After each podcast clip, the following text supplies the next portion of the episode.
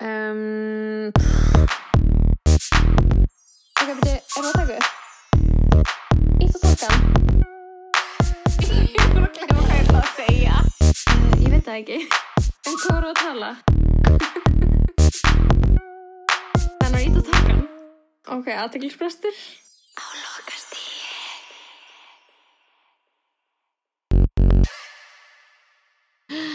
Hello. Hello Hello. Velkomin í sérstakann áramóta þátt af aðteglisbrest á lokastíði. oh, Elskar ég eitthvað meira en ára- áramóta annál Í alveg, ég er obsessed Mm -hmm. Ég er raunverulega svo ánæg að geta gert það Og ég er bara eitthvað svona ógeðslega peppuð að fara Þú veist, ég er búin að vera að horfa sko gett mikið á eitthvað svona Það er alls svona, áramóta annálar Það er eitt af Netflix sem er eitthvað svona uh, Death to 2020 þáttur sem er alveg skemmtileg Var það sko. skemmtilegt? Það er svona svona áramóta skaup Netflix Mhm. Og eina eitthvað big question Æ, ég man ekki spurningabomban nema ennska dóttir sem er actually skemmtlegt Ok, ég veit ekki hvað það er. En árið 2020 er á lokastíði. Það Finally, er eftir, lokast eftir sjö ár af einu ári. Oh my Það god, lengst árið Ég veit að þetta búið að vera árið þar sem allir er að tvíta þetta gerðist árið 2020 og maður er eitthvað svona, what? Og því að Mhm. var bókstæðlega fyrir sjö árum sem þetta Mhm, gerðist, skilur mhm.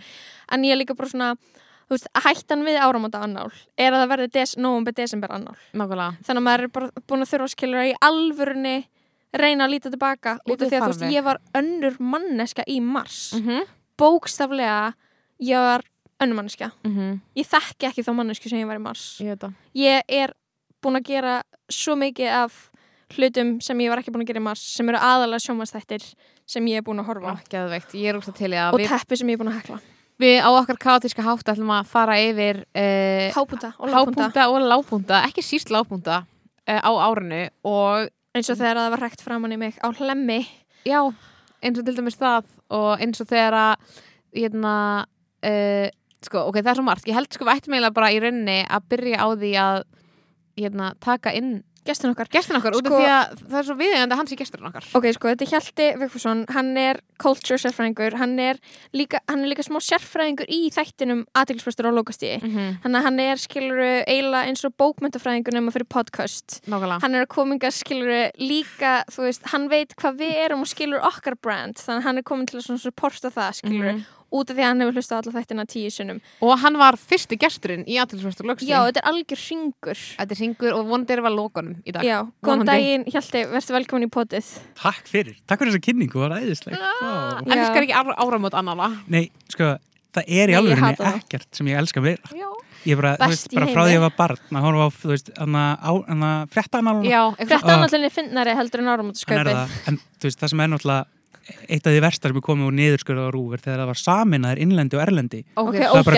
Terror. Ógeðslegt. Terror. Ekki þetta af okkur. Þú tekir svo mikið á Mhm. okkur. Oh Rúf. my god, nýðingar en- á rúf En hérna, ég ætlaði líka að segja út, við varum með annáluna og Death to 2020 sem er Mhm. Netflix áramótaskaupið Mhm. sem var komið út þannig að það er alveg margt skemmtilegt í því en það er sérstaklega eitt, eitt, eitt atrið með Lísu Kútró Já, að að fyndi.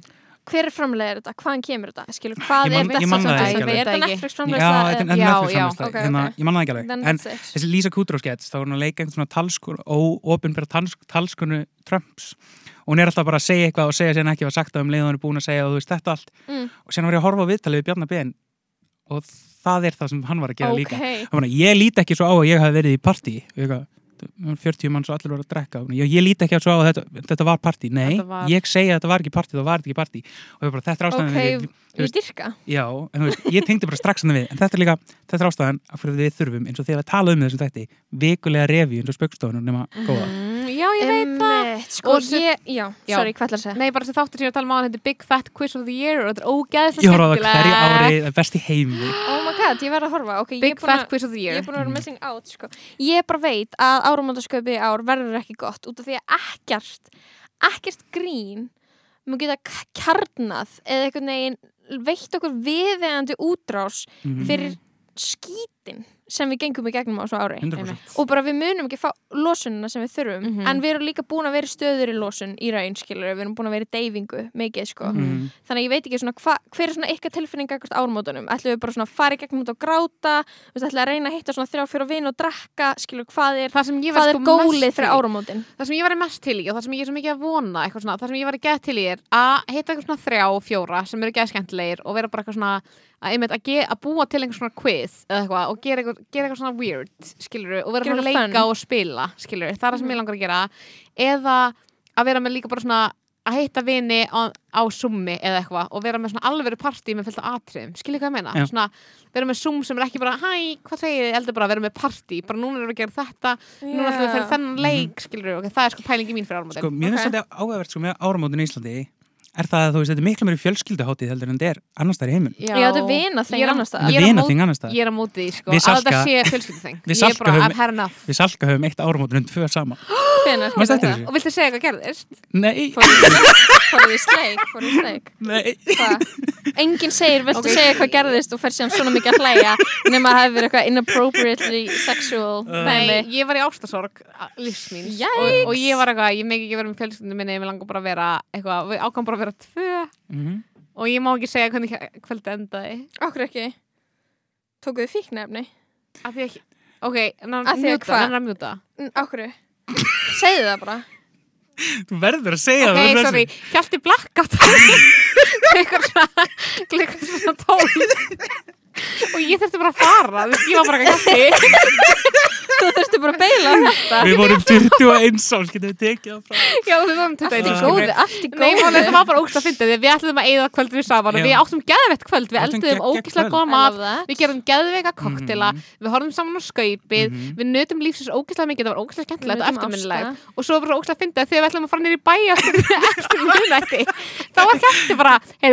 ég er bara búinn. Ég, get ekki meir. Konseptið að fara niður í bæja áramótunum er svo foreign og hljómar sko eins og það sé eitthvað sem þú hefði búið til það hljómar eins og skápurinn inn í narníu. Við fórum niður í bæja áramótunum bara ha, bærin, nummer eitt, hvað er það? Nummer tvö, bærin á áramótunum er líka disgusting. Já, og ég sko bara fegin að það verði vonandi ekki í gangi sko. ég var mjög fegin með það. Ég bara, þú veist, ég verð bara að segja að ég sá á þorlagsmessu að fólk var að drakka Tuborg Classic Punk anna, og ég var bara damn, you Mhm. live like this you Já. live like this og, og þú veist, ég bara, skilur, ég veit að þú veist, jammið, þó við séum ekki í ógisla jamminu, þá er ógisla jammið það er ennþá til, það er ennþá thriving. það er out það there er thriving, sko Mhm. en uh, sko, ég, hérna ef ég ætti að summa þetta ár fyrir mig persónulega, Mhm. þá var þetta skilur uh, ég veit ekki, ég held að þetta hefur verið svona, alveg svona smá gott ár, skilur Mhm. en, en þetta er svona líka, þú veist, eitthvað svona árið þar sem þú hefðir alltaf einu tíma til þess að gera hluti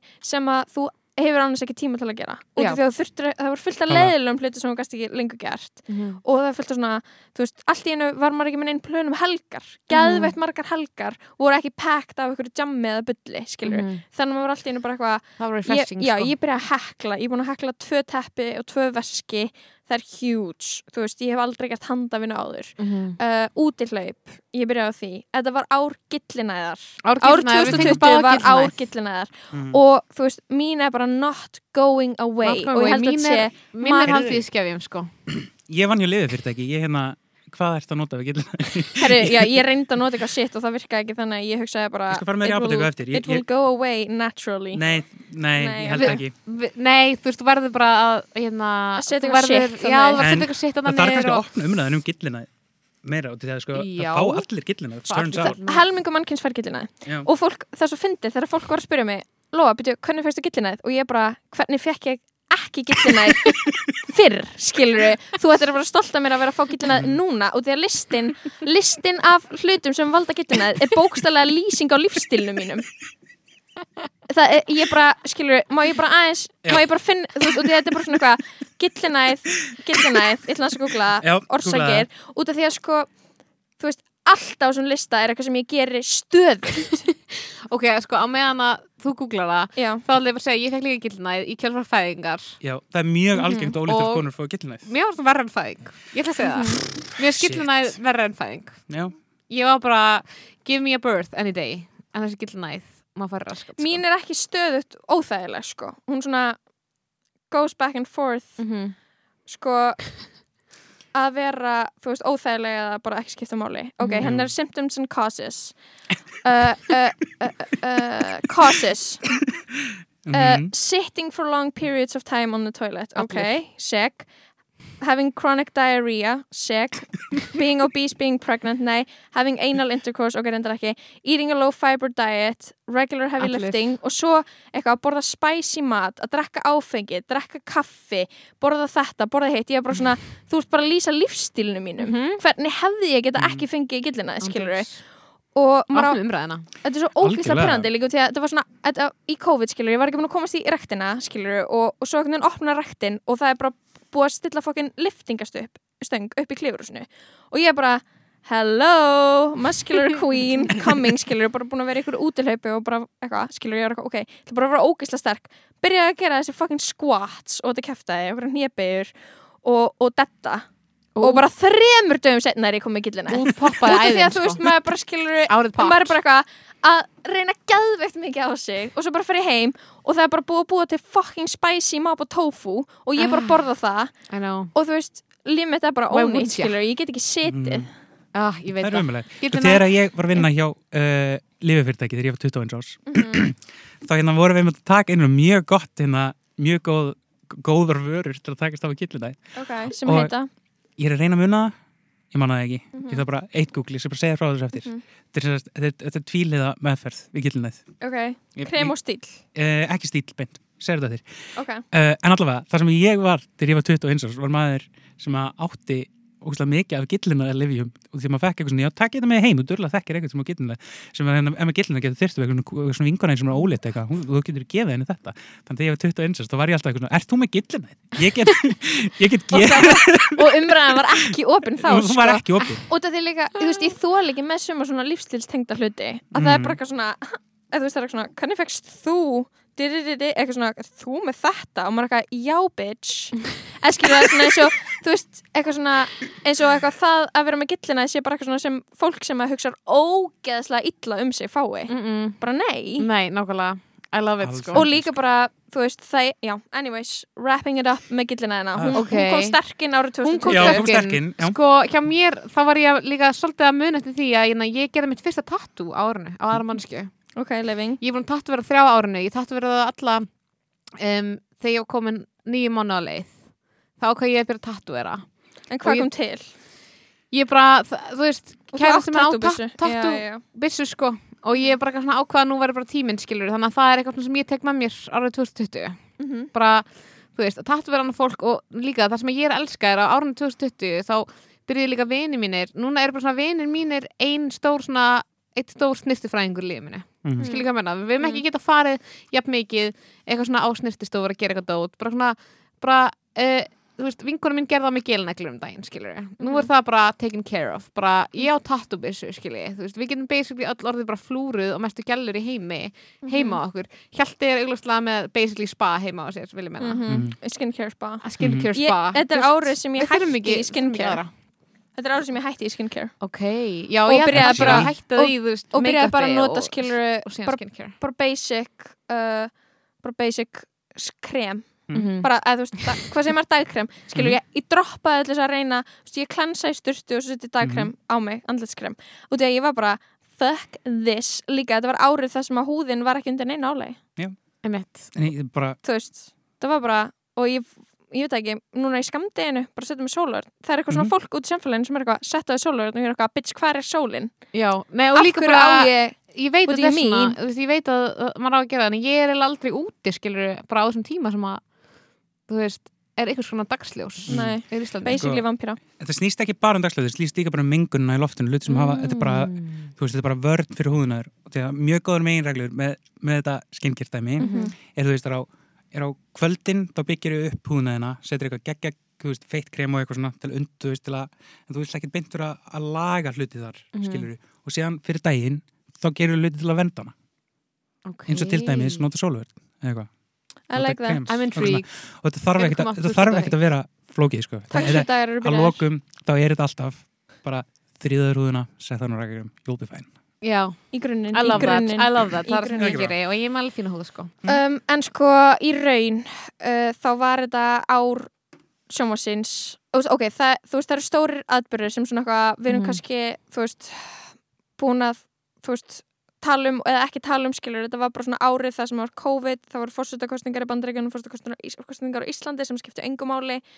Uh, Black Lives Matter. Black Lives Matter og en, en fyrst og fremst þá var þetta árið það sem að við vorum collectively sem pláneta heima að horfa á sjónvarpið Mhm. og það kom Mhm. ekki út neinar bíómyndir nema mentor og það er eina bíómyndin sem ég sá í ár kom Cats út fórum við á á Cats árinu, já. 2020 Nei, hún kom út, hún kom út 2019. Já, en, En við sáum hana í janúar ég verð að segja eitt sambandi við þetta hvenar hlutir koma út sko, Mhm. að þegar maður gerir áramönda annál þá verður maður að segja skiluru það, þú veist, árið sem það actually sprakk út, eða skilur, ef það kemur út lok 2019, þá verður það að fá að eiga heim í 2019 100%. 2020 annálum, eða það ekki? 100% Jú, ég held það Ég held að það sé reglan sem við erum að fara eftir hér Já. Við erum að fara eftir mörgum reglum Þetta er mjög, mjög formað. Þetta er mjög, þetta er mjög skiplaður áramótanal og það er reglan sem við erum að fara eftir. Og sko, what a year it was for TV og það var rosalega mikið af ég sko byrjaði að horfa á draslið og svo var það gradually betra og betra það sem ég byrjaði að horfa á. Mhm. og því að ég byrjaði að rewatcha fucking Gossip Girl þannig byrjaði COVID hjá mér. Já, og svo hérna í lok COVID þá er ég bara farin að horfa á hverja verðleina seríuna og fætur annari nákvæmlega. Og bara ógeðslega góði sjómanstættir sem bara gáfu mér bara lífsvilja samla Ég held að ég hef verið með nákvæmlega með sömu vekkferð í þessu því ég byrjaði, byrjaði COVID að horfa á allar Survivor-seríunar ógóð, já. Þær eru 40 oh, my god. En ég hætti alveg, ég hætti alveg sem ég googlaði alveg eitthvað svona hvort að maður, þú veist, þyrfti að klára einhverja seríu Já, já, já. ég horfði ekkert á hvern einasta þátt, skilur Mhm, mhm. og sér var, og því sem er það sem voru bara segurvegarar úr Survivor ok. Og það var uh, styrli serja Mhm. fyrir margar hlutasækir Mhm. og hérna, og mér finnst geggjað að þáttur sem er á sinni færtugustu seríu sé ennþá að vera með eitthvað moment. Mhm. Ég veit það, það er, það er er rosalega bara sko accomplishment í sjálfu sér og ég, að, veist, ég hef sjálf ekki hort á Survivor síðan ég var að horfa á það þegar ég var að skjá einum þegar ég var í grunnskóla en ég respekta fransæsið, skilur Mhm, ég er bara svona eitthvað ég, ég veit ekki, þegar að veist, ég skil að horfa gett mikið á raunveruleika sjó, sjónvarp og það sé ávinnubendið og ég veit að þeir eru meira í því heldur en ég, en ég svona eitthvað það er ekki eitthvað að mér finnst ég of góð fyrir raunveruleika sjónvarp, Mhm. það er bara eitthvað of mikið Ég held að annað það sem öll búin að fatta að enginn er of góð fyrir Nei, nei, raunveruleikann. nei. Ég held að það sé bara svona en sko það sem er svo áhugavert við Survivor, hvernig það breytist er út því að það er, þú býr til eitthvað svona mín í samfélagi sem er ógæslega mikið í húfi, sem er miljón bandaríkjadalir sem þú veist, Úf, hund, þú veist, hundrað og eitthvað miljónir íslenska króna Mhm. og innan þess þá er eitthvað, það eru samfélagi og það eru ættbólkar og það fylgir svo mikið sem er gerist í samfélaginu og einhverjum svona vakningar sem eru að verða um samfélagsviðmið sem er byrtast þarna og eru stundum og eftir sinni samtíð stundum passa akkurat inn í mómenti og stundum eitthvað svona á undan því Mhm. og líka bara svona hvernig þáttunum hún að þróast úr því að vera, þú veist, í fyrstu seríunum alveg bara þalli nýlega, það var bara litið svo ótrúlega stórt á allt sem er karlægt og sterkur og vinna áskorunar og, hérna, og þrautinnar og keppninar og, og þú veist, að su- survivor, það er eitthvað survivor og þú veist, svona litið niður á það, þú veist, eitthvað svona félagslegar aspektum sem konunnar voru yfirleitt mjög betri í, skilur Mhm. og þú veist, vakningin með það að- þú, að það að vera góður survivor-spilari er ekkert endilega bara að vinna keppnin, þetta er líka bara hvernig þú fungerar inn í samfélaginu og eitthvað svona, og það er búið að vera eitthvað svona vakning með það líka, eitthvað svona vera að endur sko að hvort að það sem fengi alltaf á sig eitthvað svona stimpil að vera bara tæla strákan og komast þannig áfram kannski er það bara geðveikt gott múf og sniðut strategía. og nákvæmlega og kannski er það ekki til að líta niður á fyrir meira heldur en til að líta niður á þú veist, að þeir ætla bara að vinna allar keppninar skilur, kannski er það bara miklu verri strategi Nákvæmlega, I love it sko. Þetta er Mhm. algjör, þetta er algjör stúdía sko. Já, og þú veist, En- það var líka komið upp kynferðisbroti í þessum þáttum sem var tekið Ókei. illa á sem var síðan Mm. bara mjög illa á. Shit. Og síðan, og þurfti að gera upp í loka þættinum og þú veist, og núna eru þú veist búið að breyta reglunum. Og þú veist, það var komið upp uh, hérna, komið upp atvik þar sem er bara verið þú veist, þú veist, að gera upp mjög rasíska hluti sem Ok. hafa gerst, það sem að, þú veist, hvíta fólki skildi ekki hvað það var að gera. Og hérna, og þú veist, þurfti bara að taka það fyrir einhvern svona umræðum þar sem að Jeff Probst sem er með einhvers konar meira doktorspróf heldur en aðrir í einhvern svona tala við fólk og fá öll að segja hlut og komast að kjarta einhvers máls ok, þú veist, einhver og það er merkilegt. Og ég er spenntur að sjá hvað ég gera næst þau eru með eitthvað svona plön eitthvað svona Survivor er ekki búið, þetta er rétt að byrja nú bara næsti fasi Wow, þannig að ég er ennþá shit. spenntur fyrir Survivor. Þú ert ennþá in it. Sko, er, er þú að horfa á Survivor? sko ég horfði alveg í COVID á nokkrar Survivor-seríur og ég fíla það sko. Ok, En ég, ég komst meira inn í sko Bachelor franchise sko. Já, það, ég, þetta var þitt ár til þess að horfa Mitt á ár til Bachelor. að horfa á Bachelor og líka ég held að línuleg dagskrá hafa átt svolítið comeback 2020 Við áttum okkur á að okkur Já. langar til að horfa á þetta á sama tíma og aðrir Mhm. og okkur langar til þess að ræða um það. Það er það sem sem ég er smá pyrrandi að horfa á Survivor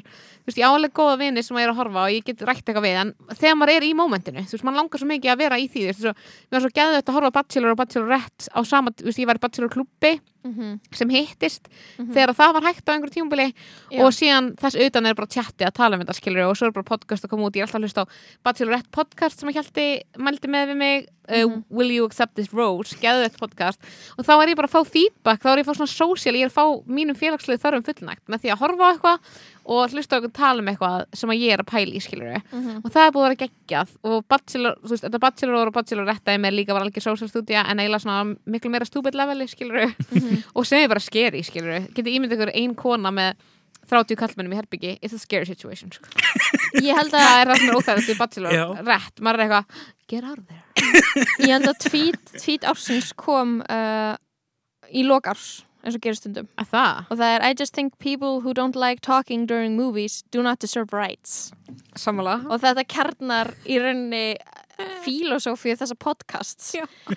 eins og þegar við reyndum að horfa á myndheimi á þeirrum daginn og er eitthvað svona get awkward spjall eitthvað svona er eitthvað sem vill ekki að við tölum yfir myndinni bara the whole point eða þú veist, ég veit ekki, sko og þú varst að tala um línulega dagskrá þú veist, þá á ég ekki sjónvarp mm þannig að línulega dagskrá eitthvað svona gerir svo lítið fyrir mig -hmm. nema ég fái mér fysiskt sjónvarp og ég geti kveikt á því að haft það í gangi þá þarf ég eitthvað svona skrifa rúf.is eitthvað, umurlegt, hate it Mhm. þannig ég gera ekki, en ég held að skilur basically streymisveitur eru búin að fatta að þau þurfa að tappa inn á línulega dagskrápælinguna með því að droppa þáttum Mhm. eins og þau droppuðu Bridgerton um daginn, Tiger King dararara, eins og hefur verið gert oft í gegnum árið að vera bara, boom, það er komið þáttur og allir binsa á sama tíma og tvítum það. Það er svo og þannig færðu effektið skilur eins og við séum all fyrir fram á sjónvarpið. Við erum bara all að streyma þessu kannski einn, tveir dagar á milli eða skilur Netflix álíka sko backlog af raunveruleika sjónvarpi eins og Circle of Love is Blind þetta, ég held að þetta hafi komið svona tvö ár sinni þetta var tekið upp já, Mm. mm Æ, það er rétt það er líka ógst að fyndi að því að, ok honorable mention er alltaf Tiger King að því það var ógeðslega gott moment í COVID allir horfðu á Mhm. það í allir COVID. horfðu á þetta, 100%. allir var að horfa saman allir var að tala um þetta, það var ógeðslega gaman skilur, og Mhm. þetta var geðu ekki þættir Já. þeir eru bara svona algjörstlega það mun allir muna Sturlun. hvenar þeir kom út og síðan The Circle, ég verð að segja þú veist, fyrir mig, for me þá var Joey í The Circle oh my god, a moment, 100% sammála a moment Já. Bara hann er horny king ásins Horny King ársins er Joey The Circle. Af því að Sko- við elskum hann öll. Já, ógæslega áhugavert af þessum raunveruleika þáttum sem kom út. Það var Love is Blind, það var fólk var rosalega mikið að horfa á fucking um, þarna fyrir ein, einhverfa fólki sem var að reyna að finna sér maka. Anna Ah, Love já. on the Spectrum. Love on the Spectrum og, og, og, já, og Circle. Og, og Bachelorette og hvað var, já, Love is Blind og hvað var líka hitt það sem fólk eitthvað svona talaði eitthvað svona giftist, eitthvað svona byrjaði að giftast hvað var það aftur? eitthvað Thirsty Day Fiancé Já, þú veist, þannig að þetta var svolítið svona og það var ógeðslega áhugavert hvað Circle hittaði inn í eitthvað moment það sem að var eitthvað, fólk var að tala saman bara á netinu. Já, og var allir jemmi på skilur í COVID. Einmitt, og það var að mig tekið upp fyrir eitthvað tveim árum eða eitthvað. Þannig að, eða þú veist, það var eitthvað svona e- og líka Love is Blind var líka eitthvað svona tekið upp fyrir löngu sem eitthvað ekki sanns að það er fólk sem byrjaði saman og maður eitthvað, hvað lengist þið að býða og látast ekki vera saman og eitthvað. En þú veist, já þetta, þú veist, ég horfði bara á Circle af þessu og þetta voru bara fínustu þættir, sko. Var Mhm. það ekki? Jú, þetta var bara gott, þetta var bara good sko, entertainment skilur þetta var nákvæmlega það. Ég horfði á Circle í einum rikk Mhm. þú veist, byrjaði kannski í sjónvarpinu, fór með tölvuna eitthvað svona, rikk svo held á tölvuna með, ég var að horfa á þetta í einum rikk, ég var Mhm. obsessed Mhm. þú veist, síðan in hindsight og er þetta ekki eitthvað svona besta einmitt. en þetta var bara eitthvað svona, a hittaði mann þetta var nýtt og þetta var fáránlegt í Já. alla staði Já. já, og þetta var 100%. afhjúpandi á einhvern skrítin hátt líka Mhm. já. og hérna, og síðan kom Social Dilemma út líka, Ég horfði ekki á það, getið þið, þú veist, Já. það var ekki beint það að þetta væri eitthvað nýtt sko, þú veist, þú veist þetta alveg allt Já, Sem er kemur það á. ekki? Mhm. en þarna er þetta svona, þú veist, það þetta komið frá þessu fólki sem er, þú veist, bara mennindir sem fundu upp lækatakan Já, já, og já. allt þetta, þú veist, og þeir eru eitthvað svona takit alveg, þú veist, þú veist, þá veistu að þú getur eiginlega ekkert verið að hunsa þetta mikið lengur ok. þetta er komið, þetta er orðið svo stórt einhvern veginn í haustum að það er eftir þetta og verður svona ok, ég, ég þarf eitthvað að fara að Er- haga lífi mínu aðeins Út af því að samfélagsmiðlar eru toxic Nei, ekki, þú veist, toxic er bara ógeðslega vægt orð yfir þetta Já, þetta er bara svona raunverulega miklu a- alvarlegra en maður átt að sjá. Já, já, Já. þú veist, við erum alveg búin að tala um, bara um hvernig samfélagsmiðlar eru að eðilegja þú veist, líðræðið og þetta. Og þetta var bara eitthvað svona, Já, já, það, það er það mun gerast fyrir nú heldur, eitthvað, it's happening. Ó, ég, Þetta er árið það sem að ég einmitt ákvaða að horfa ekki á Social Dilemma og til Mhm. ég var eitthvað, ef þú tekur samfélagsmiðla af mér þá á ég ekkert ég bara, ég get ekki treyst á að, treyst á að na, ég muni hitta nóg mikið af fólki í IRL til þess að ég geti losa mig við samfélagsmiðla. Þetta er kannski ekki samt beint það að þú eigir að losa þig við samfélagsmiðla. Jú, það er náttúrulega að vissu marki en þetta er líka bara eitthvað svona, það eru geggjaðir hlutir sem þú getur gert með tækni eins og þú getur, þú veist þú getur alveg hitt fólkið og summa mjög sölku, skilur þú þarft ekki að fara á sosmet og fara inn í algoritman að þau gera það svo auðvelt fyrir ég mig veit það, veist, það er líka pointið með þessu, þetta skrollið, infinite scroll Já. það er bara að ráðast á són, þú veist, sama són í heilinu og, og spila hvað svo að gera og ég er er örgulega með ég er svo, ég er svo oft búin að segja sjálf mig ég sé ekki með neina fík og þegar Mhm. ég get alltaf hætt öllu sem ég er að gera Mhm. og þarna og svo held ég bara að ég sé 100% símafíkil Já. Já. 100% og, en ég veit ekki, svona, ég ákvað að horfa ekki á þetta og til ég var eitthvað svona þegar, veist, það sem heimildar myndi gera er að þú veist, þau stilla upp staðrindum í ykkur svona og búa til svona ykkur narratífu Mhm. svona til að smá, til þess að kalla fram tilfinningarlega viðbröð og manipuleita það tilfinningarlega til þess að, þú veist, eitthvað svona og það er entertainment valjóði í raunveruleg, nei, hérna heimildamyndum skilur, Mhm. er bara, þú veist, þú vilt ekki horfa á heimildamynd ef að, skilur, hún er ekki fara að change your point of view eða fá þig eitthvað svona, fá þig til að vera eitthvað wow, hérna skilur, þannig ég var eitthvað svona að ég, ég eitthvað svona, ég nenni ekki að horfa áraður gegn samfélagsmiðlum Mm. ég vil freka bara vera bara svona ágætlega upplýst með all the facts ekki ykkur svona sidegeist skilur, Mm. þannig ég eitthvað svona horfði ekki á þetta og því ég var eitthvað svona Mm. um, sem er óslega stúpid af mér og því að ég held það sé bara Já, eitthvað, æ, ég nenni ekki eitthvað svona, ég nenni ekki að go þetta, there þetta er klálega einhver svona forðun en líka bara eitthvað svona, ég andarpaði alveg áður en ég byrja og ég vissi alveg hvað myndi gera, skilur Já. við vitum þetta alveg, þetta er ekki Já. spurning um það Nei, maður veit þetta, Ég er svona, þetta maður veit þetta já, já, það er komið að þessu ok, hættum En að tala um þetta til þetta þess var að ekki fara hæ- aðeins hæ- eftir í hæ- svona the early COVID, svona þegar við lítum yfir farin veg. Já. Mhm. Munið þegar COVID var að byrja og það kom vídeo af frægu fólki að syngja Imagine. já, Why did they do it? Það var eitthvað Gal Gadot og Kristen Wiig og eitthvað að syngja e- eina línu illa af Imagine. Og vera eitthvað Imagine all the people. Og maður var eitthvað þetta er bara út af því að þetta er svo laus þetta er bara þessu laus tengdur unnveruleikan Oh my Ég god, er bara, hvað helst það myndi gera? Fyrir hvað var þetta? Fyrir hvern Mm. var þetta? engan. Ótrúlegt moment, sko. En það sem að gerðist sko rétt á hann og COVID brast á var það að Brad Pitt, eða var það þegar það byrjaði þegar Brad Pitt og Jennifer Aniston áttu moment. Það var rétt áður, held ég. Og síðan voru þið, já og síðan þegar COVID kom Mhm. ok, þegar áttum, já, þá var leiklæstur og fólk tjúnaði bara inn á leiklæstur til að reyna að lesa inn í samskiptið þeirra. Sem voru horni, það voru horni Já, í samskipti voru horny í 2020, samskipti, let's call já. it, það er sem eitthvað hljóð? Mest horn í samskipti 2020 Brad Pitt og Jennifer Aniston. Ok, og honorable mentions fyrir, þú veist, ok já, og líka bara eitthvað svona Vá, þetta var svo fyndið svona þegar maður fer yfir þetta það var alveg fullt sem var alveg skemmtileg, skemmtilegt dót, skilur þú veist, þegar, munið þið þegar maður horfið á daglegan upplýsingafund um COVID-19 á hverjum já, degi? já, Mhm. já, alltaf kljóðan tvö, að það ekki? Jú, maður var alltaf bara, herfið, ríði let's víði. tune in. Ég ríði víði, Ég ríði víði. Let's go. Ég breytti, þetta er árið sem ég breytti Twitter-akkántunum mínum í Jóhann Kristoffer setti mynd af Jóhann Kristoffer og tweetaði ég ríði víði sem var gott, sem var gott grín ársins 2020 Það er gott. Nice, ætla bara gott grín ársins 2020 hjá mér.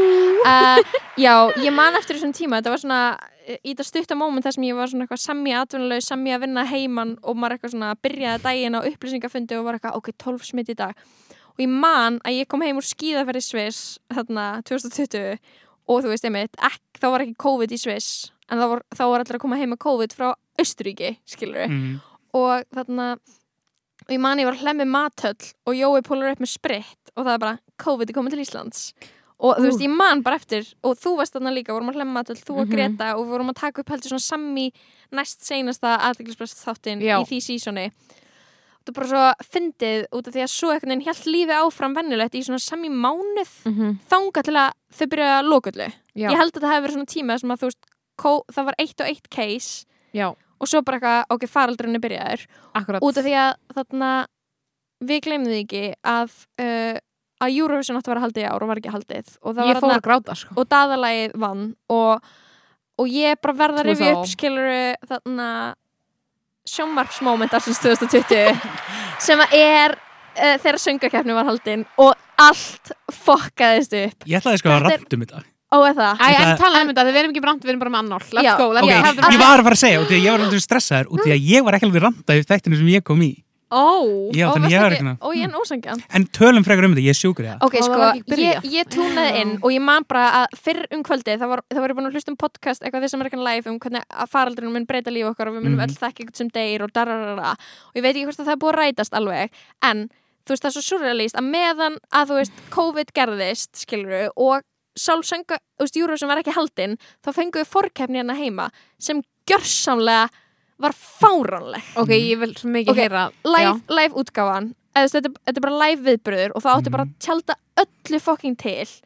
Og hvað gerðist? Þegar Daði átti að spila Það átt að spila og lægið fór í ganga vittlusum tíma, þú veist, undirspilað var vittlust bara, þú veist bara, og þú veist, síðan og, og svo byrjuðu kinnarnir að distrakta. Já, og síðan fór allt í fokkana, kynnan byrjaði að distrakta. Hundur pissaði á jakka Mhm. manns, Benna, eða ekki? Jú, og þú veist, þetta fór líka bara eitthvað svona þú veist, spurningarnar, það var bara enginn búin að viðra þá hugmynd við þetta sjólar sjónarsfólk þú veist, það var bara ekki framlega einna, ef eitthvað fokkast eitthvað, við erum undirbúin undir það. Um, um að hafa svona. atriði svona í lagi þannig að við, við talum Matta og Clemens um ekki neitt og, og, og, og, þetta hætti ekki. Máli var bara svona, það var ekki svona eitthvað oh, vandræðalegt moment og svo bara eitthvað bú, bá, bú, skilur, reddast. Alveg heldur var þetta bara vandræðalegt meira vandræðalegt Í hálftíma. meira, í, í hálftíma.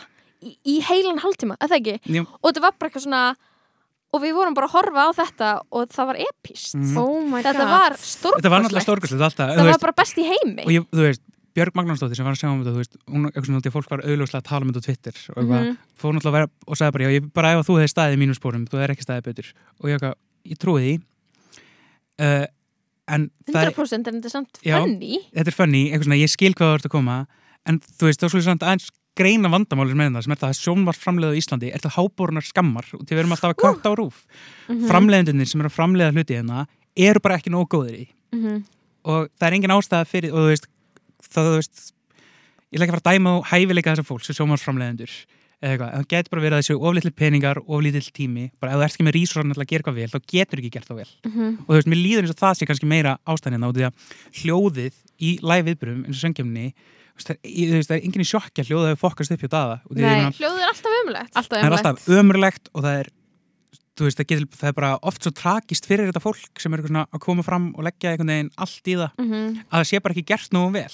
Oh og þetta er óþólandi Mhm. líka mannstu þegar Ástís Marja vinkun okkur var að keppa uh, með lægið Amor. með læð Amor, in, Amor, Inside Fact. Amor, Amor Það komst- dururu. það kom sér satt áfram sem eitthvað svona wildcard Já, þannig að það aðlega domnendurinn til að taka út úrslikefni Ok. þannig að það sem Ástís Marja gerði var að hérna, hitta móður þína og þau unnu í læginu og vocal performanceunum og, og lægið var miklu betra Mhm. og Ástís Marja gjörsanlega náði bara í salnum þegar hún, þú veist, væntalega út í hún var tekin eins og wildcard þetta var ekki út í að fólki kausan inn þá Mhm. var hún á botninu þegar kefnin byrjar skilur Já, allir í salnum halda með einhverjum öðrum Mhm. já og þú veist, þegar kefnin byrjar að öskra heim, hver er að fara að vinna og allir eitthvað öskra í manni hver voru að keppa þetta ár Svona bollaböng, allir svona krakkanir í salnum Mhm. Já, já, já og sem kemur Ástís, búin að vinna í þessu lagi og gjörsamlega slátrar salnum, hún Mhm. er bara með besta vocal performance sem ég hef séð live. Mhm. Og, og allir í salnum Salurinn trompast. og næst eða spurt hver er að fara að vinna? Er allir bara eitthvað, Amor, I guess, þetta var geggjað. Öll börnin í salnum.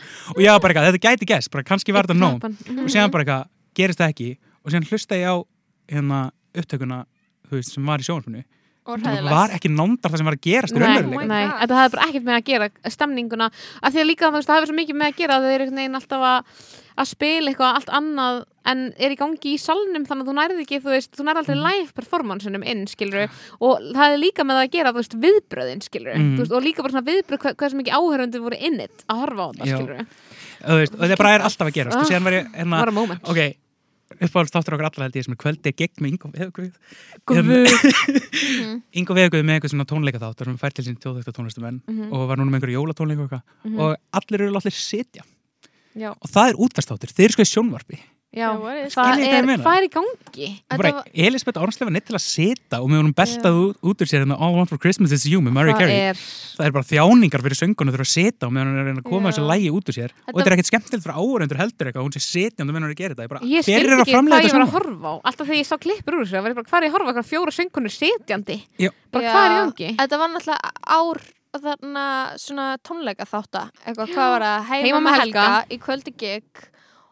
mm, Jólutónleika Bó var sjónvarpað uh, Baggalúts tónleikum var sjónvarpað allt, Það allt var- svona, það var mjög mikið dóti, herran gefið ykkur Hnetusmjör var með svona eitthvað plattform, sko. Mm. En þú veist, ég horfði eiginlega á neitt af þessu sko og ég eitthvað neginn, í byrjun árs þá var ég að bingja rauðaborðið og Rauðaborðið átti sitt moment á þessu ári Já.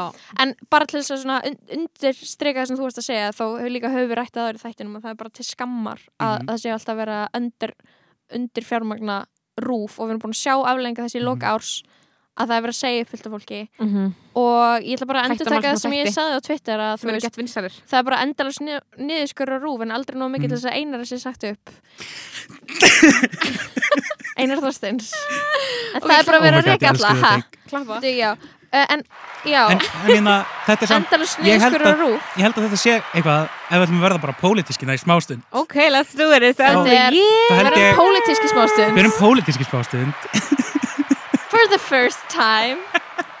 Nei, þá held ég að á þessum, á þessum áriði sem að vorum að klára fyrsta árið af, hérna, þá held ég að við ættum eitthvað aðeins að fara að taka stöðuna á fjölmiðlum og hvað fjölmiðlar þýða fyrir fólki á Íslandi og hvað rúf þýðir fyrir fólki og af hverju þetta er hérna og af hverju þetta skiptir máli og líka bara núna þegar við erum, það er komið kostningar og ég er bara svolítið stressaður fyrir þessum kostningum að það er fjölmiðlafrumvarp uh, inn á borðið hjá mentamálráðra og ég, mér líður eins og engin fjölmiðl, það er búið að kötta niður rúf svo mikið að það er bara alltaf að gera erfiðar og erfiðar að vera með góða við erum með gó- góða umfjöldunum hluti Mhm. líka og akkurat fyrir um það, við erum eftir að tala um þættina fyrir næsta Mhm. hérna uh, og ég hef bara smá áhyggjur af því hvað er mun verða en gaggrína fjölmiðlun á Íslandi því að þú veist, Mhm. hún hefur verið undir, undir fjármagnuð mjög lengi Mhm. og ég hef lengi, þú veist, það hafa allir verið stressaðir yfir þessu lengi en ég held að núna sé kannski bara sé þetta verða svolítið alvarlegt sko. Mhm. Mhm. það þurfa að vera Já, fleiri en tveir fréttamenn á rúf, skilur Já, og líka bara Mhm. skilur eins og fjölmjölun er ekki bara fréttir eða þú veist, fjölmjölun er líka bara meðlun og tjáning og bara ólíka rattir og Mhm. ólík þekking og skilur þú getur ekki uh, þú bara getur ekki skorið það svona mikið niður og þú getur ekki búið til svona ógeðslega erfitt rekstraumhverju fyrir fjölmjöla og ég meina ég held að þetta sé ástæðan fyrir því að fólk hlustar á podcast er út af því að það að reyna að finna eitthvað sannleika það er að reyna að heyra hvað fólki finnst út í að það er orðið þreytt á því að heyra þú veist þarna þú veist, CNN típu tala við sig og Mhm. þið muni bara skilur hvað gerðist í fórstakostningunum í bandaríkjanum að þegar það var verið að fylgjast með úrslitum milli Biden og Trump að þegar að það eru ljóst að Biden vinnur þá tók eitthvað fjölmælum niður grímun og var bara, ég er fucking relieved og eitthvað fór að gráta skilur og það er bara eitthvað, hei, fjölmælum eru manneskjur. Mhm. og bara eitthvað, þú veist þú getur sagt fréttir en þú veist, það sem rúf þarf að vera er að vera eitthvað svona skiluru, þau þurfa að vera miðstöð menningar í fjölmiðlun, skiluru, Mhm. þau þurfa, að gera frétta þætti og frétta skýringa þætti og svo Mhm. þurfa að gera, skiluru, að gera viðfangsefnum í samtímanum gett góð skil og með það því þarf að líka ráða bara til sín gett heft fólk og Mhm. borga því og það þarf að vera þver pólitísk samstæð um það að á rúf eigi að spyrja erfiðara spurninga Mhm. sama hverju það ert sama hver þú ert út í alltaf þegar að hérna, út í þú veist viðtölarúf geta og eru oft svo ógeðslega slæm og vond Mm. og það er tippað í kringum hlutina Mhm. og við erum eitthvað svona, það er fara, fara að verða augljósara sko. ég alveg bara svona smá ágjur af þessu sko. mm Já. og, og restina, þú veist, það er ekki eins og skilur tja, ég veit ekki, við erum náttúrulega með aðra miðla, skilur við, erum með vísi við erum með Mhm. fréttablaði, við erum með stundin og devaf og þú veist, pointi með er svona að þjóðin eiga eitt fjölmiðl sem er í vinnu fyrir þjóðina og á Já. ekki eigendur sem er einhver annar heldur en þjóðin einmitt, Mhm. og þú þurfur aldrei að vera skilur að spurja þig hversu hvort þetta sé á hátt ra- hlutrækt, það sem Já. þú ert að heyra meina- skilur, right? Ég veit við ekki. getum fara náttúrulega bara beint úr þessu inn í þáttin ráðherran þar Já, sem að þú veist, eigin konar forsæðisráðherra í þeim þætti á fjölmiðl Mhm. einmitt, og þú veist, eignarhald fjölmiðla, engaríkin á fjölmiðla á Íslandi, þú veist, hvort sem það er mokkin eða eitthvað annar blað eða fréttablaði eða hvað sem er við vitum alveg að það, að það eru hlutregnir fjölmiðlar Aha. skilurðu. og það geta verið æðislega blaðamenn sem vinna þar sem er að reyna að gera vinnuna sína vel og eitthvað en það að eiga að þjóðin eigi fjölmiðil eins og rúf sem hann getur treyst Mhm.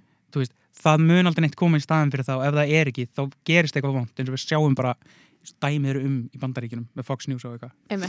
Nákvæmlega. Já, ráðherran, hann kom út á árinu Mhm. og uh, Tíu árum ég of seint. var ekki living fyrir hann að þátt Nei. á Nei. engan hátt hann engan veginn skilur uh, að öllum sem koma að hann ólöstuðum meðan allir standa sér vel en þátturinn þarf líka bara að vera þáttur eða skilur, það bara svona skiptir ekki máli hversu mikið ég er til í að þú veist, bakka upp íslenskar dagsfjögerð og ég bara vil fá framleiðslu á góðu sjónvarsefni á íslensku út af því eins og við vitum að þá sjónvarp 100% fer yfir landamæri þrátt fyrir tungumál og við erum búin að vera að baða okkur í norræna efni þó að við kunnum ekki norsku, sænsku eða dönsku skilur við, þannig að við getum verið að gera geðveika þætti hérna sem geta Mhm. bara, þú veist, bara verið geðveikir fyrir ógeðslega mikið af öðru fólki heldur en Íslendinga, skilur við þannig að ég bara eitthvað svona, eins mikið og ég vil að þetta sé góðu þáttur, þá bara svona þú veist, sorry, en bara sagan flög ekki, skilur og þetta var Mhm. bara cringe Mhm. Já. þetta var bara of mikið cringe og ég bara eitthvað, hei, þú veist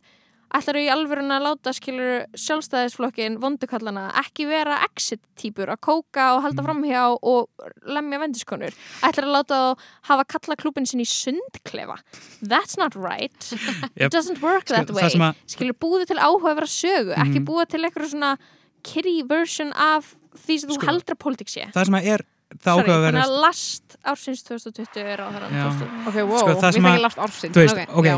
Uh, tökum bara formúlan sem þú veist að taka ég ætla að gera það líka, bara því ég er hættur út fyrir Íslandi lítið veist, það er margt sem var ógeðslega vel gert og flott Já. og þú veist, upptakan og framleiðslan og mörguleiti Mhm. geggju, leikurinn Mhm, æðislegur mhm. en það var svo margt skrítið sem var gert þannig og hvað var tekið úr raunveruleikanum og hvað var afmáð stjórnmálaflokkanir voru þeir sömu en þeir voru ekki Mhm. allir og þeir voru skrí, skrítnar stereotýpur og Mhm. mörkin á milli flokkana og hvernig flokkan er í alvörinu og þú veist, af hverju af hverju letu ekki bara heita eitthvað annað eins og þú veist, í bóin besta Bóin. sjónvarsstætti allra tíma veist, sem það um getur leikið sem er dönsk eins og stjórnmál já, þú veist, sósjaldemokrataflokkurinn þar hét ekki sósjaldemokrataflokkurinn, er verkamannaflokkurinn mhm. þú veitir gert eitthvað þannig arbeidsparti arbeidspartiet og þú veist, þú kannst verið með skilur tekið vinstri Mhm. sinni típurnar og bara gert stereotyp úr þeim á þess að það sé bara eitthvað, ertu að meina að þetta sé katajak að segja þetta, eða skilur og en bara síðan er náttúrulega það sem að er og fólk er ekki, mér líður eins og vísmynda ekki að tala um er að þetta er bara augljóslega byggt á innkomi Sigmundar Davíðs í Íslands stjórnmál mm það gerðist nákvæmlega svona Mhm. það er mjög sveipum mætti, það kemur einhver sem er eitthvað kemur frá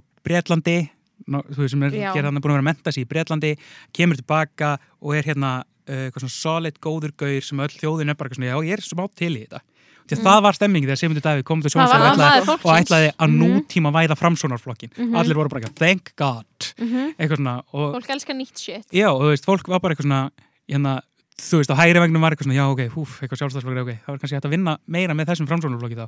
Og vinstri vagnum var bara, já, kannski gangaði þá bara inn í samfélkingun á endanum, þú veist, það var stemming sem viðs fjari raunveruleikana núna. Mhm. og þú veist, allar þessar sögur, þú veist, í þessum í ráþrænum mánu fór geður og fara sendur á eitthvað, einhverstaðar var það í Breitlanda í Svíþjóð eða eitthvað hann sá orðrómur gekk um þegar Sigmundur Davíð var að hann hafi verið sendur Já, uh, á á, hæli í Svíþjóð út í Já, hann já. geður menn maðurinn var í sitt konur skónum hann þegar hann hitti Obama hann hefur aldrei talað um, hann hefur aldrei sagt what really went down í sínum hann, hann er ennþá þar þannig að hann myndi ekki, eða skilur, hann getur Mhm. ekki gert það hann er, hann er still there, skilur Ok. en þú veist, point being, bara eitthvað svona við ákveðum að tala ekki um það og þú veist, líka að koma með þetta svona tíu árum setna að koma með eitthvað svona seríu byggða á þessu þess að þú þorir ekki alveg að fara inn í það já, en gerir það svona einhvern veginn eitthvað svona tala, þú veist, bara of weird mikið. vibes.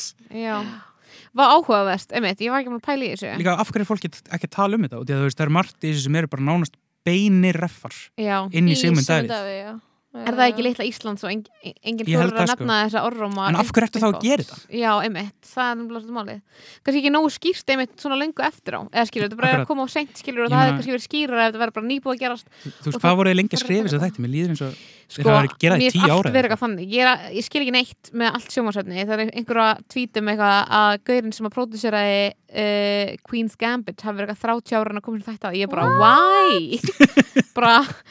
gaurin sem að próduseraði Queen's Gambit hafi verið eitthvað 30 ára en að koma til þetta ég bara, why? bara drop it, E- einhver eitthvað it's a proof that you need to hold on to your ideas, ég bara, nei þú veist, þetta er 30 ára að gera þáttum eitthvað skákjælu, skilur, whatever Mhm. En þú veist, Ég- þetta er samt alveg að sama, þú veist, þetta með rúf og allt einhvern eitthvað svona, ef það Mhm. hefði bara verið hægt að fjármagna það eins betur, það verið hægt að skrifa þetta betur og skrifa þetta hraðar og Já. eitthvað, bla bla bla. En það sem að ég tók take away mitt frá þeirra, þetta skiptir í lengumáli og margt flott og allt það, Mhm. er að blær var stórkostleg.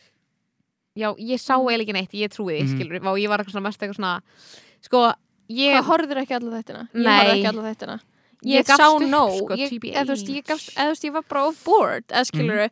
já. en þú veist, ég hefði alveg átt til þess að hafa forma skoðunum mína betur að En ég klára heist að hún hafi Ég verið frábær og fullt af leikurum hafi verið frábæri, og ég þau elska öll Ólaf frábær, Darra, en þú veist, skilur, það er- allt við þetta er afreg en þú veist, algjörlega. sagan þarf að vera góð eða skilur við, og Mhm. þess vegna langar mig að fara inn í að tala um bara bestu sjónvastætti ársinn sem við Ah, horfum á og já. gera bara best of út af því að við, þú veist, þú veist þar liggur ástriðan, skilur við, bara Mhm. eitthvað að- að peppisa þætti, en það er bara svona, Mhm. þú veist okkur að horfa á þætti, við viljum heyra góðar sögur, Já, ef það gengur ekki upp það er ekki, skilur við þú veist, það er ekki einhver að hafi staðið sér illa hún bara hittaði ekki, skilur Nei. við og ég held en hún að hittaði hjá marga og kannski ef að ráðurinn hefur komið út fyrir fimm árum þá hefði hún bara hit differently skilur já, Já. einmitt Það og mjög þá satt, hefði sko þetta bara verið kannski stórkáslegt í alla Já, staði já. fyndist manni skilur ég er ennþá að fá okkur út í að horfa á borgin skilur, og Ég það er að koma ný seri Mhm. þættir. og ég, þú veist, einmitt, rewatchaði borgin í ár og ég er bara svona, damn, skilur mm þið vitið eitthvað svona þið skiljið pólitík, þið vitið þú veist, hvað er að frétta, skilur en það er líka bara Mhm. út af því að það var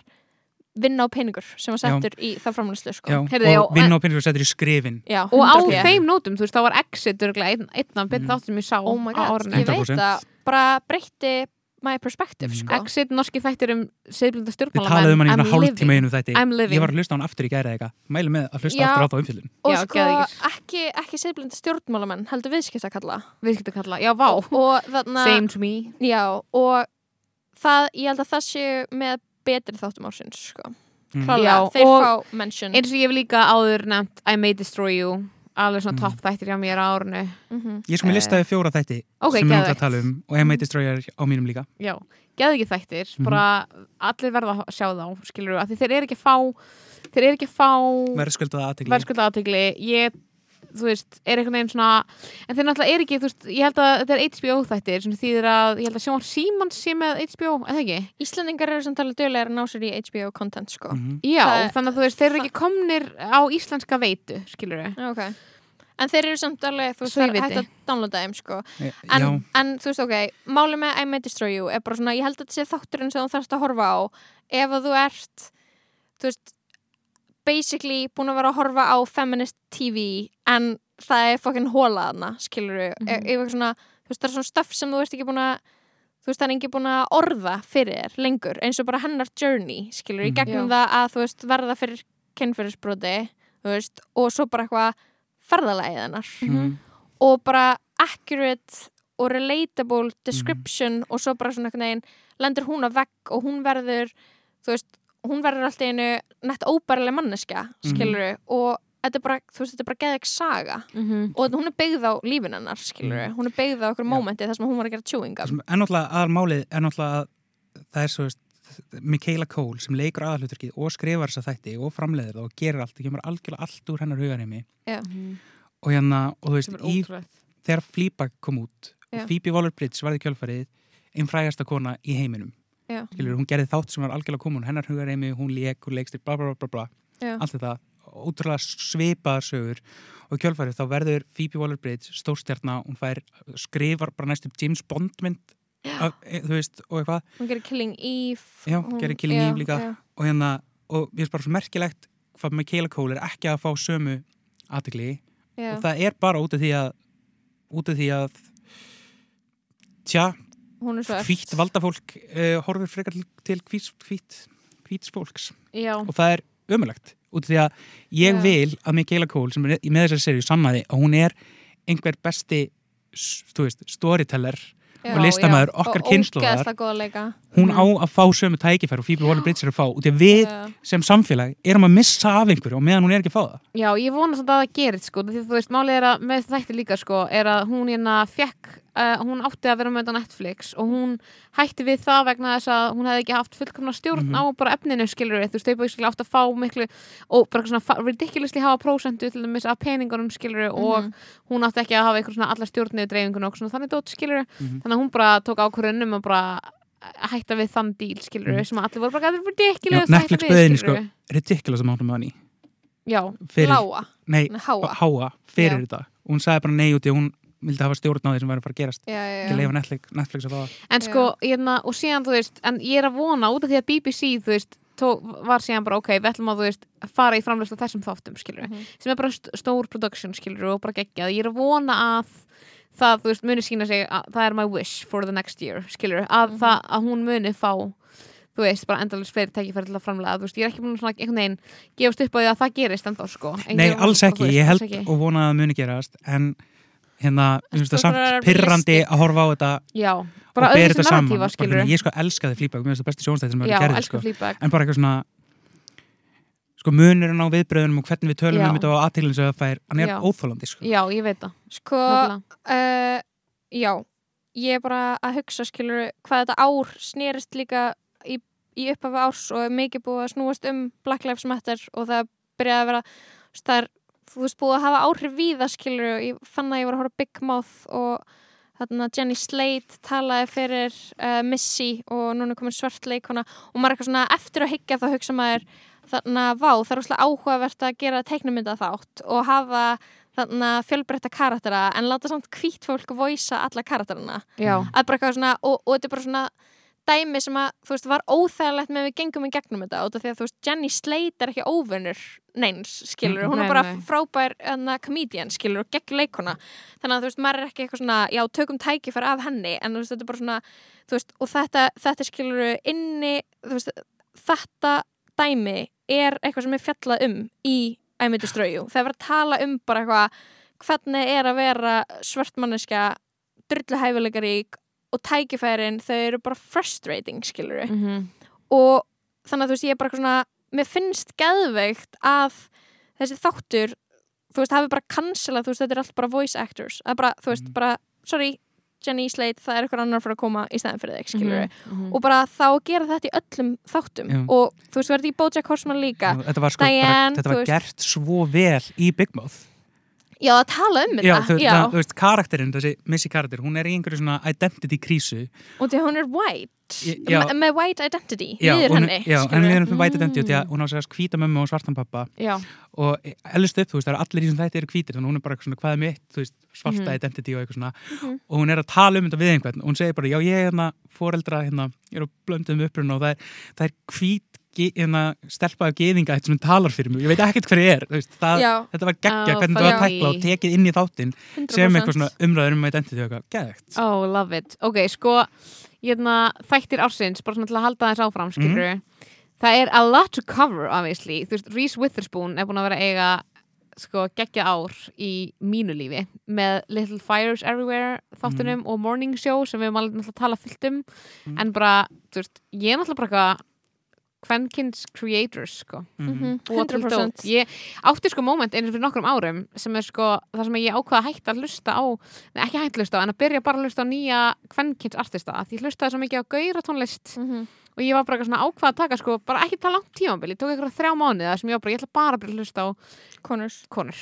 Og þetta var bara svona til þess að aðeins að reyna að jafna skilur mitt svona listening curve og síðan bara svona, síðan einhvern veginn náttúrulega þú veist þá bara byrjaði ég að hlusta meira á tónlist hvenna skilur en ég þurfti bara svona smá að þetta út. Og mér liðir þessu smá veist núna er ég bara eitthvað þú veist, það er svo ógeðslega mikið að góði stoffi að koma frá eitthvað Reese Witherspoon að Mm. pródusera eitthvað, geða eitthvað þætti skilur Michaela Coel skilur svo bara Fleabag, æ, það er allt þetta dót. I love. Ég hérna, Þetta þetta var náttúrulega ár, ár kvenna í hiphopi. WAP, Megan Thee Mhm. Stallion wow. Cardi B, Cardi B og Bernie að hanga saman. Uh, Saweetie um, endalist af gælum að gera geða eitthvað tónlist bara Oh girl God. power tónlist Mhm. um pussy. Their Wet ass- pussy, the wet wet ass ass pussy. Talandi um pussy. Uh, Saga B. Pussy. Hello Kitty. Sem þú Hard, veist, þetta er allt að gerast, skilur við Já. Female empowerment. Ok, sorry. Talandi um pussy Hvað ætlar að segja? Hvað ætlaði Hérna, Hjalti Vigfússon að segja talandi um pussy? pussy. Hérna uh, þáttir sem ég held að hafa bara farið fram hjá flestum út í að hann er á sjóðstöðinni Stars. Oh, I don't know. Hann heitir P-Valley Sagt, Pussy Valley. Pussy Valley byggt á leikrit eftir konu sem heitir Katri Hall sem að heitir Pussy Valley. Og hérna Katri Hall sem sagt gerir þættina líka og þetta eru þættir sem gerast á strippklubbi Mhm. í Mississippi uh, í bandaríkunum Ok, living. Living. Og það sem að þessi Katri Hall er brjálaðislega hæfilegur í einna leikskáld. Og hún segist að rannsaka þú veist, þetta, hún kemur sérst frá Söðuríkunum sjálf og strippmenning í Söðuríkunum er mjög áhugaverð og þú, þú heldur bara ammalið á strippklúfum skilur, það var bara eins og ef brekið væri strippklúfur skilur Mhm, mhm. og hérna og sérst hún er í sex ára að fara á milli strippklúfa og tala við konur og reyna bara að miðla þessari sögu og menningar heiminum sem er þarna. Ok, og hvernig þessar konur sem að vinna, vinna í strippi taka eitthvað svona heim sem að er þú veist, exploitative skilur, þú veist, þetta er í grunninn skilur, það sem að, þú veist, einhver kallar eru að koma og þú veist, þegar tala um sexwork hérna og hvernig þeir breyta þessu spacei sem er eitthvað svona exploitative space Mhm. í space fyrir, þú veist, tjáningu og valdeflingu og stað, þú veist, til þess að verða ríkar á skilur, Mhm. og hvernig þær takast, þú veist, á við þann raunveruleika þar. Og þessi þættir eru svo góðir Ég sko, karakterinir sem eru byggðir hann sögurnar sem eru að vera að segja. P-Valley, segir þau P-Valley uh, þú veist, þú getur auðvitað ekki nálgast það á Íslandi með nefnum að downloada sem við endorsum Sem við fully, endorsum fully. bara go for it, go off. Ég þarf að, já, og, hérna, og ég sendi ykkur vídeo af einu strippatrið í þessu. Ok, og því að geðvegt sko. Þetta er, sko, horfður á það? Já, það geðvegt Þetta er, ég hef aldrei séð jafn mikla íþróttamennsku. Já, í strippi. Nei, bara í it. nokkru. Nei, ég bara vissi ekki að humans gæti gert hlutuna sem hún er að gera Mhm, þarna. Mhm. í einhverjum, þú veist, þetta er bara svo þú veist, er búin að taka einhvern svona stað sem er eitthvað svona exploitative og þannig er þetta bara að gera eitthvað sem er svona bara svona há íþróttumannslega svona há, þú veist, líka bara, þú veist, þetta er dans líka og tjáning og þú veist, claiming a space og eitthvað svona og bara hvernig þetta er gert og allir karakterinir allir verða að horfa á þetta. Já. Ok, geðvegt þetta er búið að vera, þú veist þetta er búið að vera ár stripparans, þetta er búið að vera OnlyFans árið. OnlyFans árið Þetta er árið. 2020, bara það fullta fólki sem að sá fram á að fá alls ekki mikið pening og það átti vona á þessu ári mm og það leitaði í fucking OnlyFans Mhm. og það er bara ógeðslega áhugavert að við erum ennþá bara eitthvað að, ég veit ekki, við erum ennþá á þessum stað árið 2020 að við meikum ekki að fólk sem er OnlyFans þegar auglastla vandamáli og allir sem ég hef talað við sem eru með OnlyFans sem er slattað fólki uh, sem ég er bara eitthvað átt one-on-one conversations er alltaf bara eitthvað ég var broke Mhm. mér fannst þetta skemmtileg pæling ég átti ekki nógu mikið pening ég gæti retta mig svona. Og bara eitthvað Love it. að þú veist það er líka það sem er í gangi í strippi þetta er bara, þú, þú veist þú fær pening fyrir þetta, skilur af hverju ættir ekki að gera þetta Mhm. Mm. hvað er skömmin í því að gera þetta, skilur Einmitt, Það- það er það- kirkjan. Kirkjan, baby.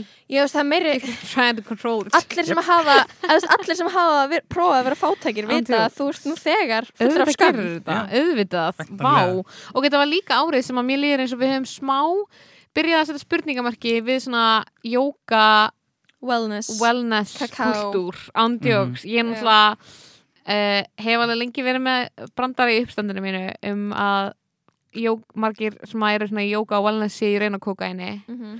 Um, stendur það, skilur við -hmm. en basically bara svona, það kom svo mikið, kom svo mikið heimildamöndum um einhver svona jóka gúrúa sem eru bara kynferðsbrota menn skilur Mhm. og cult leaders unwell, og unwell fættirnir sem eru bara að sína okkur fram á þessi young living ólíur eru bara oh my god, svo píramítasvindl skilur það er hann að goop þættirnir sem Guðmund Paltró sem að voru ekki að reyna að sína mér að þetta væri psycho en, En sýndu, sýndu það sýndu það óvart að svona wellness hvítur hvítur svona wellness kapitalískur kultúr er toxic Mhm. og líklega cancelled in 2021 sko, er mín spá. Já, þetta var sko árið þar sem að uh, við gerum heðalega til til þess að rannsaka white privilege, skiluru og Já, bestu sjónvastættinir í ár voru náttúrulega Insecure, það var koma fjóra mm út og þarna þarna, druru, þau fengu verðlaun leikonan sem að leikur Shit's Creek.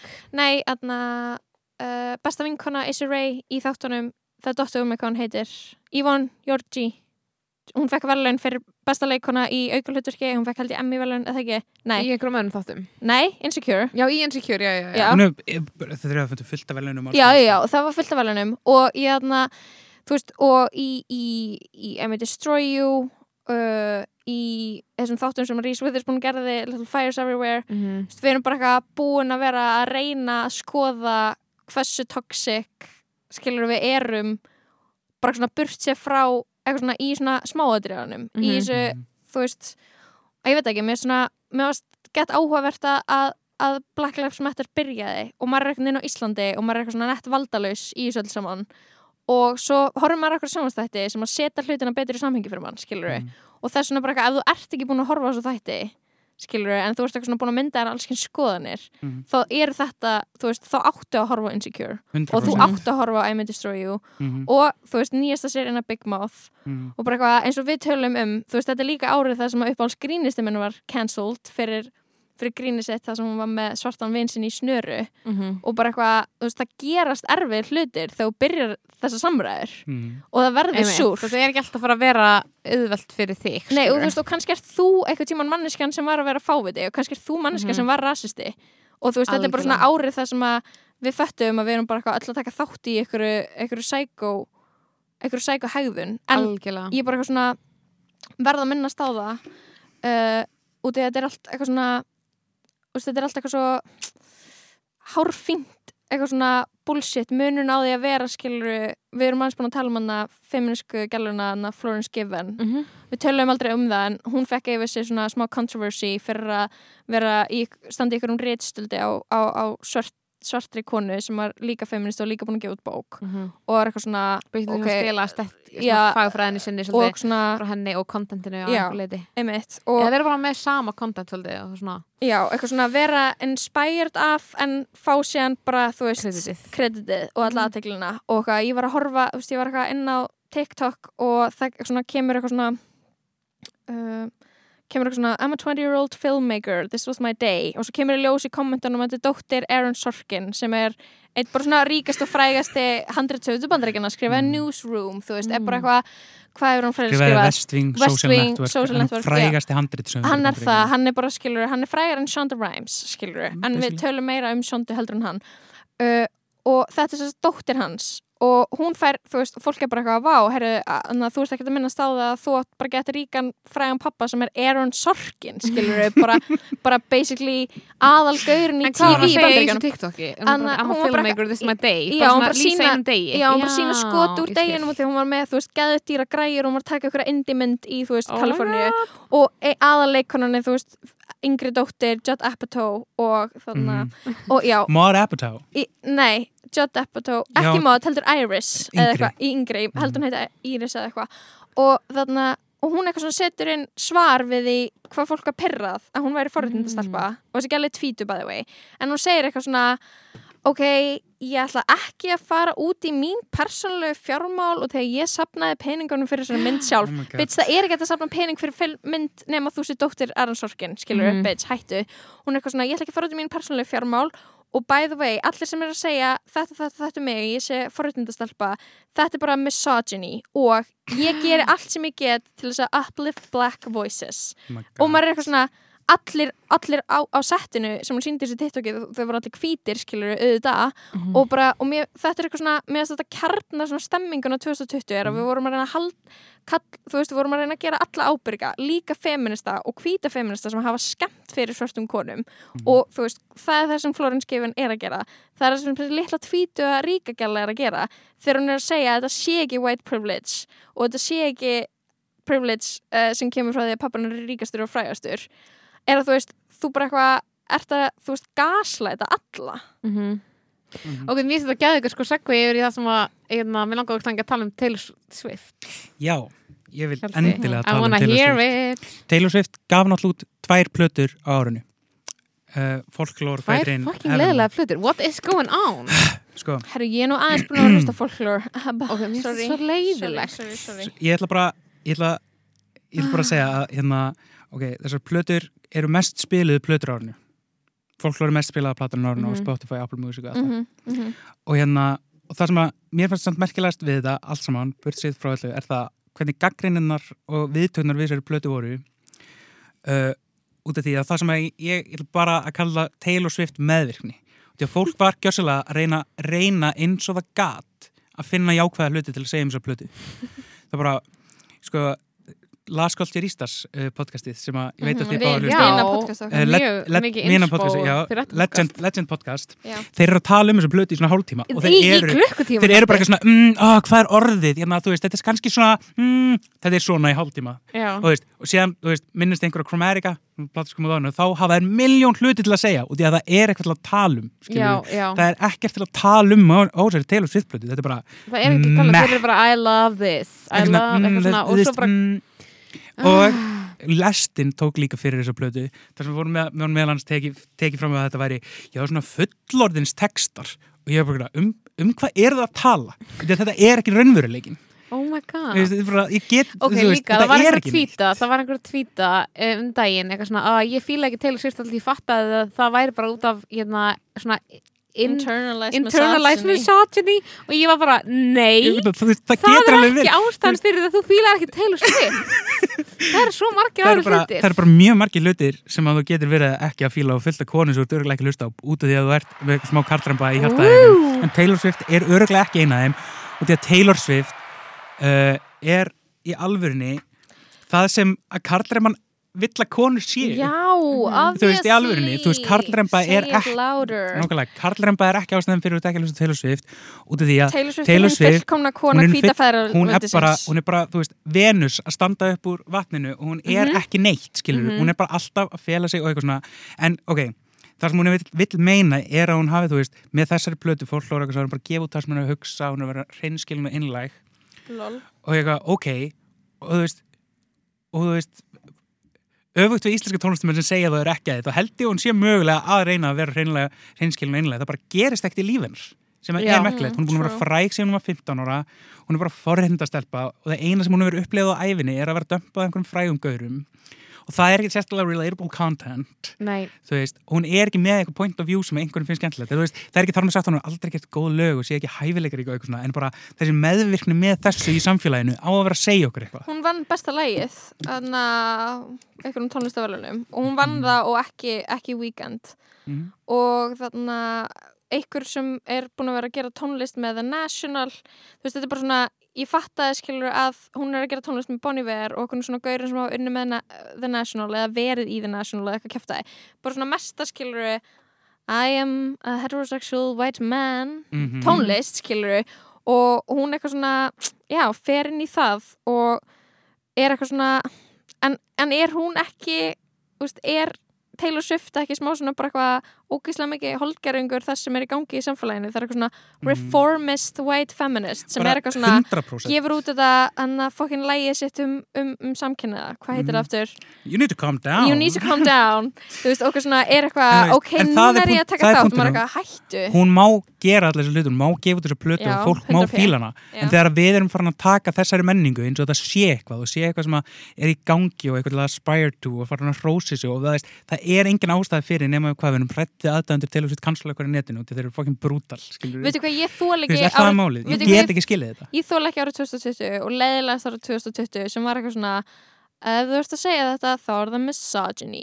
Út af því að þú veist, ég var, ég var að keiringa og ég var að hugsa um að við erum að fara að tala um þú veist, allir þess að geðviku þætti sem við sáum sem eru Insecure, I May Destroy You og við erum að tala um Black Lives Matter. Og ég var eitthvað svona það sem að okkur, þú veist hvíta forréttindahyggjan sem er bara djúft í okkur öllum er bara eitthvað að við eigum skilið allt pláss í heiminum, við megum tala um allt og vera alls konar og, þarna, og þessi, þessi kvennfyrirlitning að, að, að kommenta neikvætt á það sem við erum að gera. Þegar það bara getur verið eitthvað fucking psycho shit sem við erum að gera og við, Mhm. þú veist, við verðum að hætta þessu og verðum líka að hætta að vera meðvirk með þessu skilur við, og bara eitthvað og feminismin okkar verði ekki það að, að konur með aldrei vera gaggrindar skilur við, Já, æ, þú veist, ég veit Og að við erum búin að ræða þetta miljónsum en Mhm, fattiði mig samt, bara mhm. eitthvað að með þess að uppáhalds konundan okkar Mhm. að þær megi að vera scrutinized skilur við, að það megi question á það sem það gera út af því að þú veist, annars erum við alltaf bara að fara að fá eitthvað svona fake jafnrétti, skilur við, erum alltaf bara að fá Algjörlega. Fake, fake þáttöku svartra í samfélaginu, bara eitthvað svona Mhm. sem eitthvað svona, eitthvað svona token, Tókenisma. tokenismi, skilur bara, já, þú mátt vera með, en þú mátt aldrei fulli Mhm. fokkin vera þú sjálfur, skilur þú veist, það sem við erum samt líka og þú veist, og þessi mikilvægt mikilvæg rattir sem þið eruð í samfélaginu og þú, veist, sem er að tala um þetta þú veist, í, í, í samhengi þess hva, hverjir eru að tala um menningu á þessu landi, skilur og koma með eitthvað point of view Mhm. Hérna, út af því að þú veist, þessi point of view sem eru að koma fram, þau eru engin þú veist, mér finnst þau eitthvað svona vera í meira og meira mæli eða þegar við tölum um menningu hérna, að þá eigum við ekki að vera að lesa í hérna almennilega og koma með eitthvað teik, heldur að það passa inn í eitthvað inn í einhverja narratífu sem, það, hérna, Mhm. sem er ekki sönn. Mhm, og það er, það er hérna, það er erfitt sko.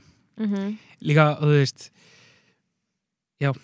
í sko framhald sko, ok til að því við vorum að tala um tónlist þá var ég bara svo til í að að krýna mína uppáhaldsplötu ársins 2020, ég held að ég að segja saman tíma. Einn, Tveir og Chromatica. Það er plata ársins. Plata ársins. Auðvitað. Lady Gaga. En hérna, en þú veist En ef við bara, ef að bera saman þú veist, þessar tvær plötur, eitthvað svona Lady Gaga og Taylor Swift, sem þarf ekki að gera og er algjörlega ónýslegt og er mega verið til á sama tíma í sitt spacinu og Mhm. alltaf en þú veist, artistrið sem er á bakvið þá plötu konseptin sem hún er að vinna með tónlistalegir referensarnir, þar sem hún er eitthvað svona er að leita í af hverju hún er að gera heimurinn sem hún býr síðan til í kringum mm Mhm. þetta þú veist, þetta er bara ekki sambærilegt því sem Taylor Swift er að gera en af Nei. hverju er einhver svona gaggrinendur út um allt að reyna sannfæra um það af hverju er, af hverju er einhver í það. lestinni að gera það ég Já. er mikið svona í bandaríkunum, ég veit og ert ekki að fá að borga fyrir það Mhm. Ég veit, Mm, já, er sammála og líka bara svona einmitt að að vera ekki minna svona gaggrina umfjöldin á það artistri sem var í gangi í Chromatica bara hann heim Mm. sem hún bjóð til, það koncept sem hún bjóð til brjáluð konceptvinna, Mhm. brjáluð bara svona performance, brjáluð, þú veist, vídeo þú veist, brjáluðar heimur sem hún bjóð til og bara svona allt frá grafík yfir í er- performance það er bara svona brjálæðislega úthugsað og brjálæðislega koncept með það, skilji Já, það því að skilur samfélag okkar hatar camp að það elskar að segja að það campi hlutir Mhm. séu, þú veist, subpar culture, Mm. skilur og bara get ekki geti, get ekki recognisa út frá því það sem það er Mhm. sem er listform, ekki Mhm. ekki, ekki neitt annað, skilur að ég veit ekki En þetta er líka bara út í að Lady Gaga er andstæðan við Taylor Swift að þessu leiti út í því að Taylor Swift er einn hlutur og það er það sem að feðrveldi vill að hún sé Mhm. Sorry, er ég að vera ofavondur í Taylor Swift? Skiptir ég máli. það? Er máli, Nei. það breytir er ykkur fyrir hana. Já, ég veit það, ég, Það- er alveg sama þó ég sé að segja þetta Ég er bara að hugsa um eitthvað svona, það er er þið hlustendur hana úti. Það er einhverjir það- hlustendur hana úti sem þetta skiptir einhverjum mál og gerir eitthvað fyrir en, ég skal bara koma með counter-argumenti sem er bara eitthvað, ég hef alveg hlusta á Taylor Swift mér er alveg saman allt sem Já, þú ert að segja og öllum sem, hlusta ætti að vera sama líka. En ég er, þú veist, ég er samt út í að Taylor Swift skiptir rosalega mjög máli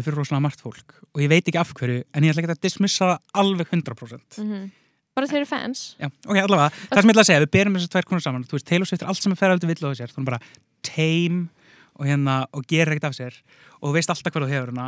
Og Lady Gaga, þú veist, hefur gefið út heilar plötur þar sem ekkert lag var að sömu tónlistastefninni og því að fólk var að segja við hana eitthvað svona heyrðu þetta er að virka fyrir þessi tegund og tónlist bara haldi þessu áfram, áfram.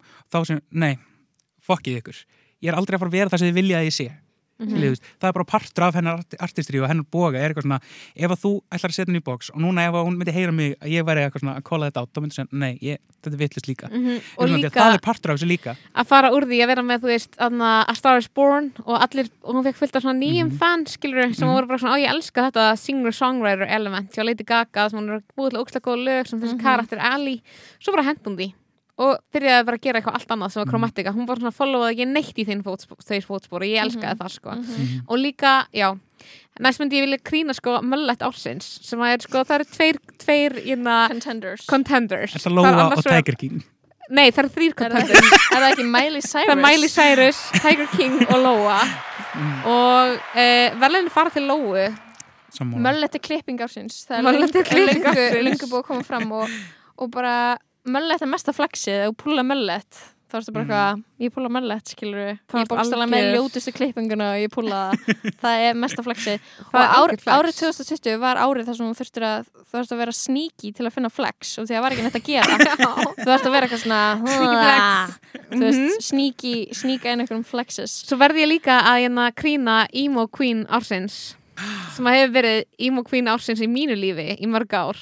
Sem en ég verða sko á árinu á eina fyrir þetta ár þá sýsti mín, Vaka, sem hlustar á potið er, er eina fan of the pot uh, er Emo Queen uh, lífsmýns og hún hérna gerði árumóta heit fyrir þetta ár. Og árumóta heiti var að, að árið 2020 ætla hún að gráta minna. Sem er að True Emo Queen. Já, áramóta heiti. Og ég hérna heyrði í henni og ég sagði, þú veist, ég spurði hvernig gekk þú veist, að gráta minna 2020 og hún sendi mér voice message sem ég ætla að spila hérna með svarinu hva- hvort að áramóta heiti hafa haldist, eru tilbúin? Mhm.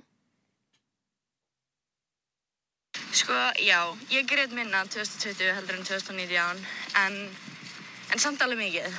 En minna, minna en 2019 Ó, Vá, henni tókst það. Henni tókst það. Let's Ég er mjög stolt af Bara vaka. Við erum stolt að Ég þér að að í þú þannan klapp Nei, þetta var bara fullkomlega viðjandi fyrir það sem að var að gerast sem er bara gráta minna 2020 og þetta var erfitt ár þannig að er stæðilega að vera svona algjörst accomplishment sko. 100%. Ég held ég við gráta meira 2020 en 2019 sko. Ég man ekki eftir í hvað ég gerði. Árið 2019 árið 2019 Eh. er núna bara er svo langt í burtu fyrir okkur Já, að true, ég get ekki einu sinni útskýrt hversu langt það er sko. I know, I know. En um, sko.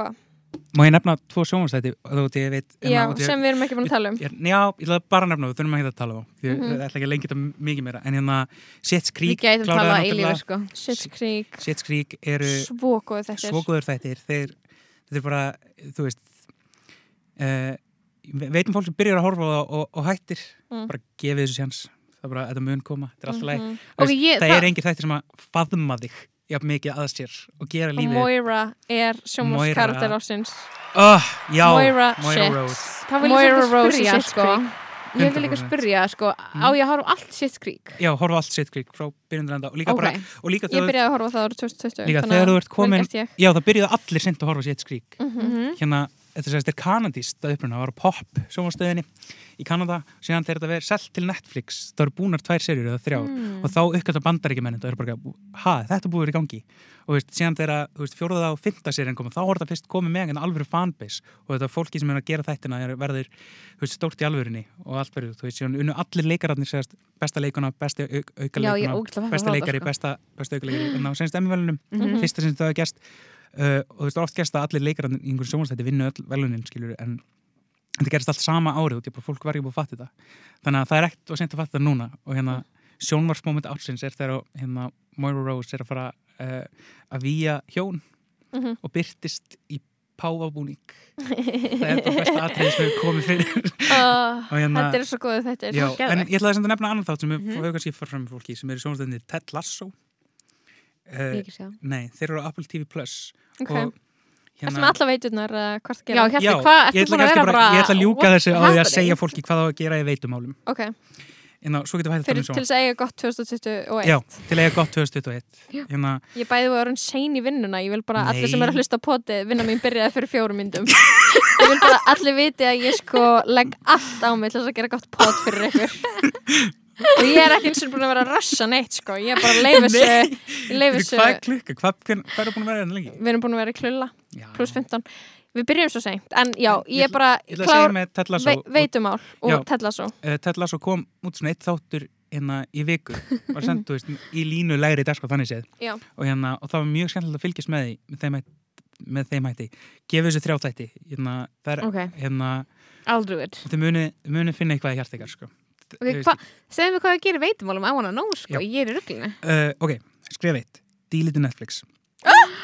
Netflix uh, er drasl það er orðið allt og mikið efnið hana og það er algjörlega algoritma based. Þannig að það er bara að henda í því einhverju drasli sem passar henni algoritman byggt á því sem að Mm.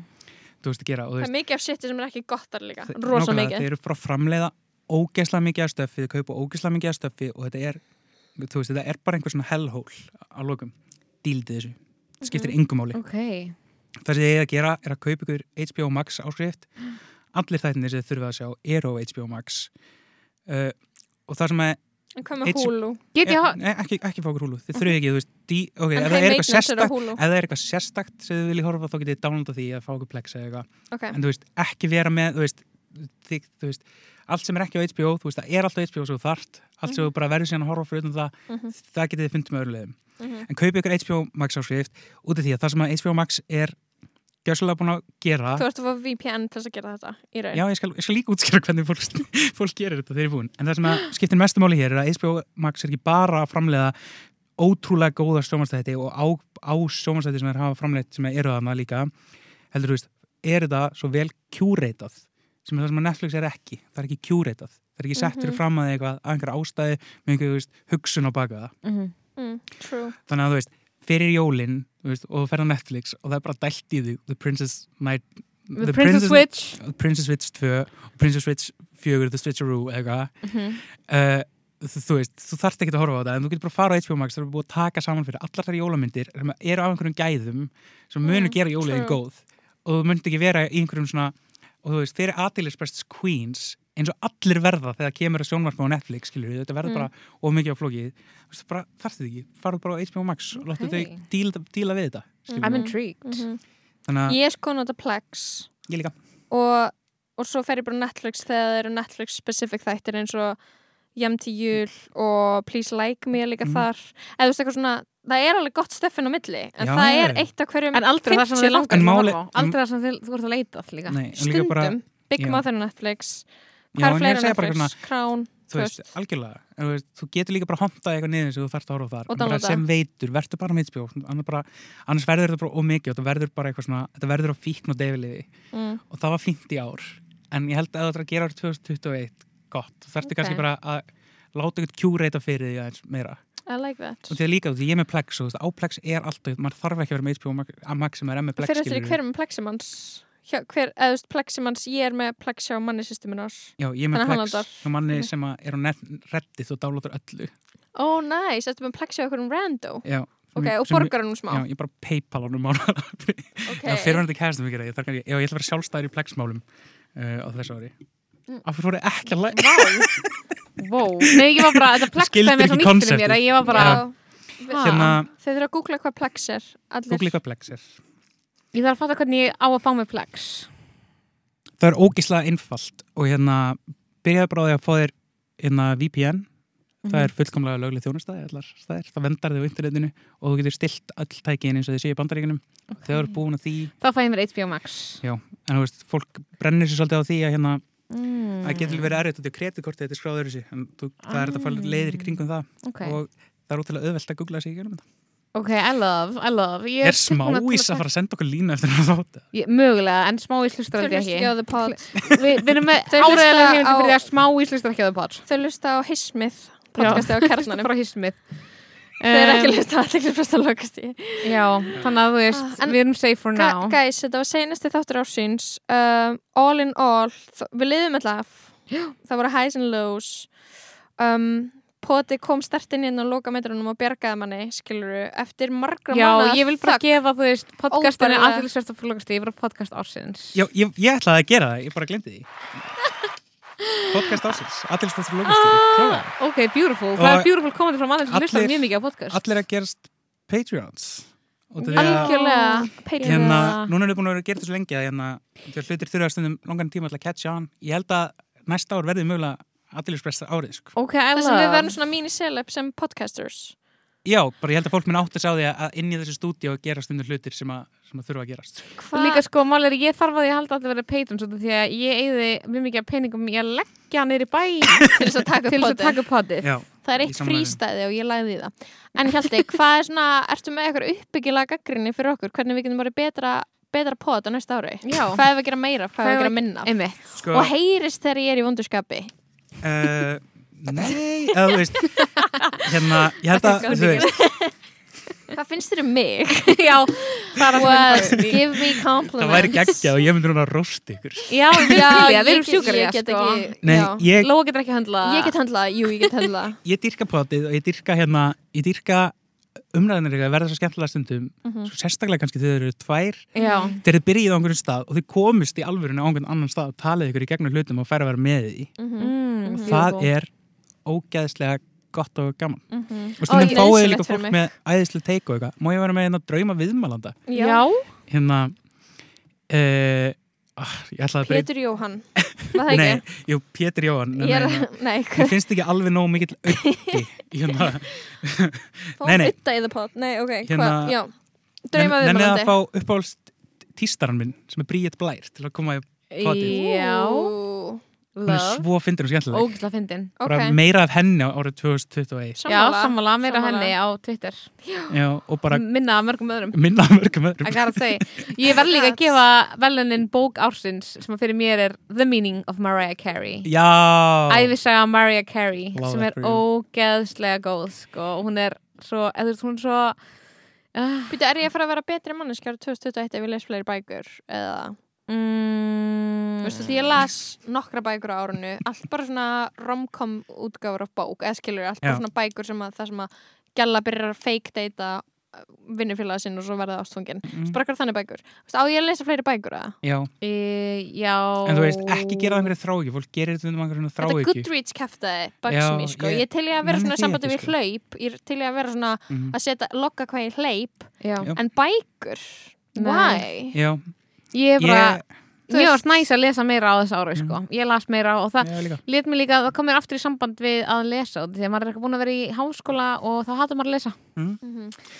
Hérna, ég sá hérna leikur á árinu sem ekki margir gerði Oh my og hérna, ég sá leikarina af Kópavókskróniku þannig að það áttu frumsýnina, ég sá er frá tveim besta. dögum ánum frumsýða þessi leikarið er ógeðslega velgerð Já. og ef þið fíluðu bókina uh, sem ég held að allir hafi gerst Mhm. Mhm. þá hérna, munið þið fíla þessa leiksýningu Þegar Ég við vil líka kalla- að æðisleg sko. Leikstur ásins, Silja Haugs 100% sko. Oh my god, já, leikstjóri ársins er Silja Haugs 100%. Agnes Joy, Agnes Joy kvikmynd ársins Já. kom held ég út 2019 kom 2020 ekki, það kom engar Það íslenskar kom ekkert- kvikmyndir út á árinu. Mentor, Kemur frá því.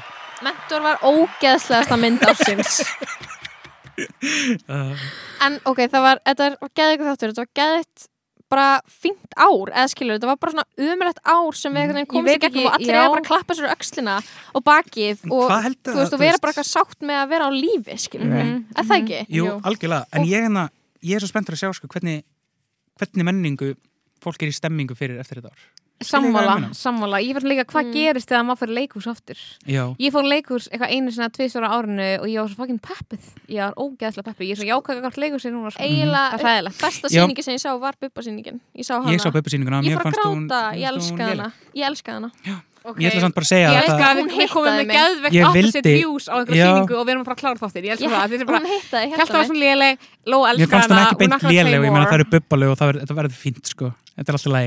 Og meina og en hérna, það eru nokkur element í þessu sem að mér finnst bara sko, gjörsanlega galinn sko, Mhm. og Pabbi minn, skafðileg það eru tvö það. frá pappa mínum sko. og símanum mínum síðustu tíu mínútur Og ég Það er svo óþægilegt sko er- það er eitthvað- fingir í þig tvisar röð þá ertu bara, hvað?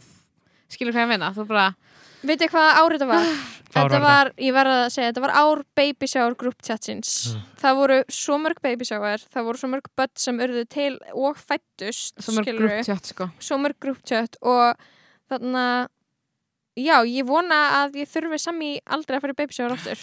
hérna, ég, Eins mikið að ég elska. Út af því að ég er búin Næst að vera verðið þitt eigið, Lóa. Nei, úi, don't say that. Don't að say that to my face. út af því ég er búin að vera Næst eða farið í jólunum ég að hlusta ykkur aftur. Ég er búin að hlusta á þættin þættin ykkur aftur hérna í jólufrínu og hérna og þið talaði um baby showers og svona strákar séu bónir í baby showers og það er cancela það.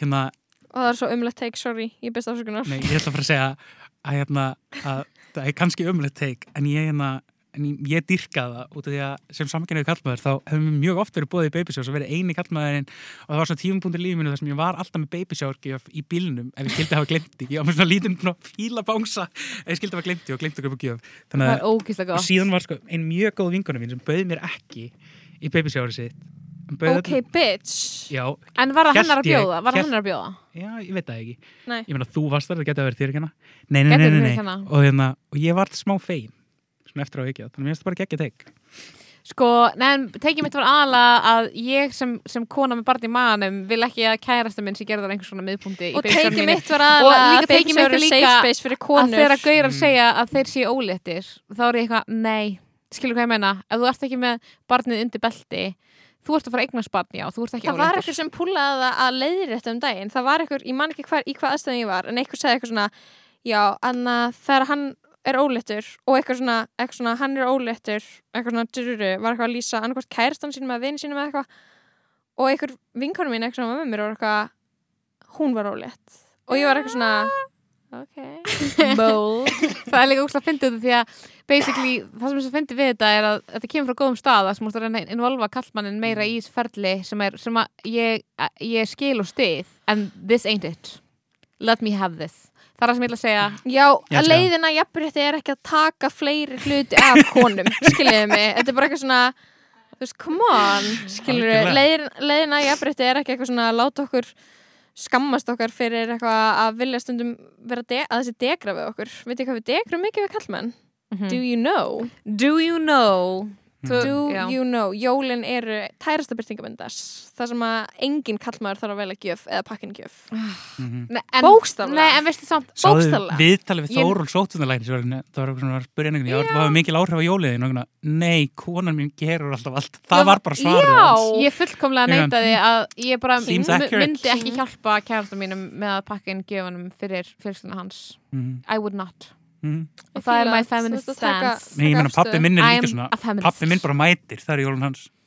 Já, það eru jólunas pappa minns líka og, og í ár þá sagði mamma pakka inn þessum pökkum, let pappa gera það. Og hann gjörsamlega pakkaði inn fáranlegustu pökkum í heimi og bara, hann var bara, já, æ, hann eitthvað svona já, ég var komið að leiða á þessu þannig ég byrjaði svona að skemmta mér, þannig að hann var að binda og in get off, þannig að hann var svona ómögulegt að opna það og þannig að hann var að tekna eitthvað skrimsli hann var að, þú veist, líma bara eitthvað bull á pakkana og til hún, hún fannst það leiðilegt og maður eitthvað svona, ó, ó, er þetta leiðilegt? Ó, er þetta leðilegt? Finnst þið leðilegt að pakka inn? Já, en þú ert bara búin að láta konuna þín að gera það senstu 40 ár. Ó, hún var bara að gera það sem er leðilegt. Ok, já, ok, já, emmitt, skilur, make a sense. Út af því að það sem, það, það sem ég elska mest er þegar gaurar halda að kæristuna er að fíla að gera þessar hluti sem að allir eru sammála um að séu fucking leðilegir. Já, bara já That's the Mhm. truth, En ok, uh, love it. Já, ég, ég, ég hef ekki neitt fleiri að segja. Þú veist, ég, al, ég alvörunni geti tekið upp í 20 minnir viðbót en ég bara svona er 20 minnum og segja í vinnuna. Þannig að þú veist um, what a way to go. What a way to go Love og bara takk Hjalti fyrir að koma re- Oh, að unpack this year. Þú veist, uh, við erum að fara að eiga annað gott ár næst, og á 100%. einhverjum ástæðum erum við endið þetta mjög bjart sínum nótum á einhvern nátt sko. Æ, þú veist, þannig að vaksinið það er byrjað að sprauta fólk með vaksinu í dag þannig að já, obviously erum við jákvæða skilur I love it.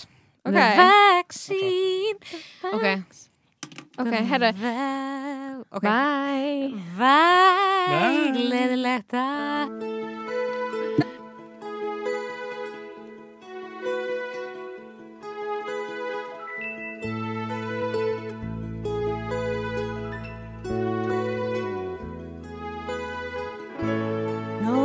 champagne, and the fireworks are through. Here we are, me and you, feeling lost and feeling blue. It's the end of the party, and the morning seems so grey, so unlike yesterday. Now's the time for us to say. Happy New Year,